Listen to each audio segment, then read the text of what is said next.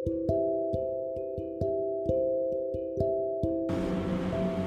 guys, welcome back to our podcast episode. Today we are discussing about the game that is booming or popular right now. Yes, of course, it's what you have known. It's Valorant. We also have a special guest here and also a Valorant, Valorant player too. And the name is Kevin. So, let's get moving on. What's what's great when you play Valorant? So for me, Valorant is really addicting because me myself is very competitive in everything that I do, and this game is very suitable for me because this game can be really competitive. Okay.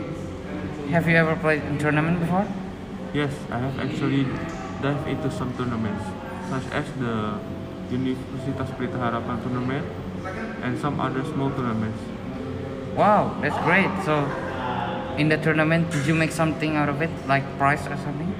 Yes, I actually do get some money out of the tournaments, and I even got a certificate. Wow, that's great.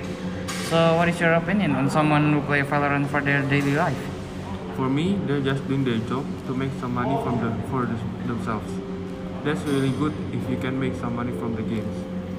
That's great. I also a player Valorant player too, but also uh, just a little time I play Valorant. But I think for me, Valorant is like uh, the problem is uh, just having a big update like that. So thank you for this podcast. For listening to this podcast. Make sure and God bless you.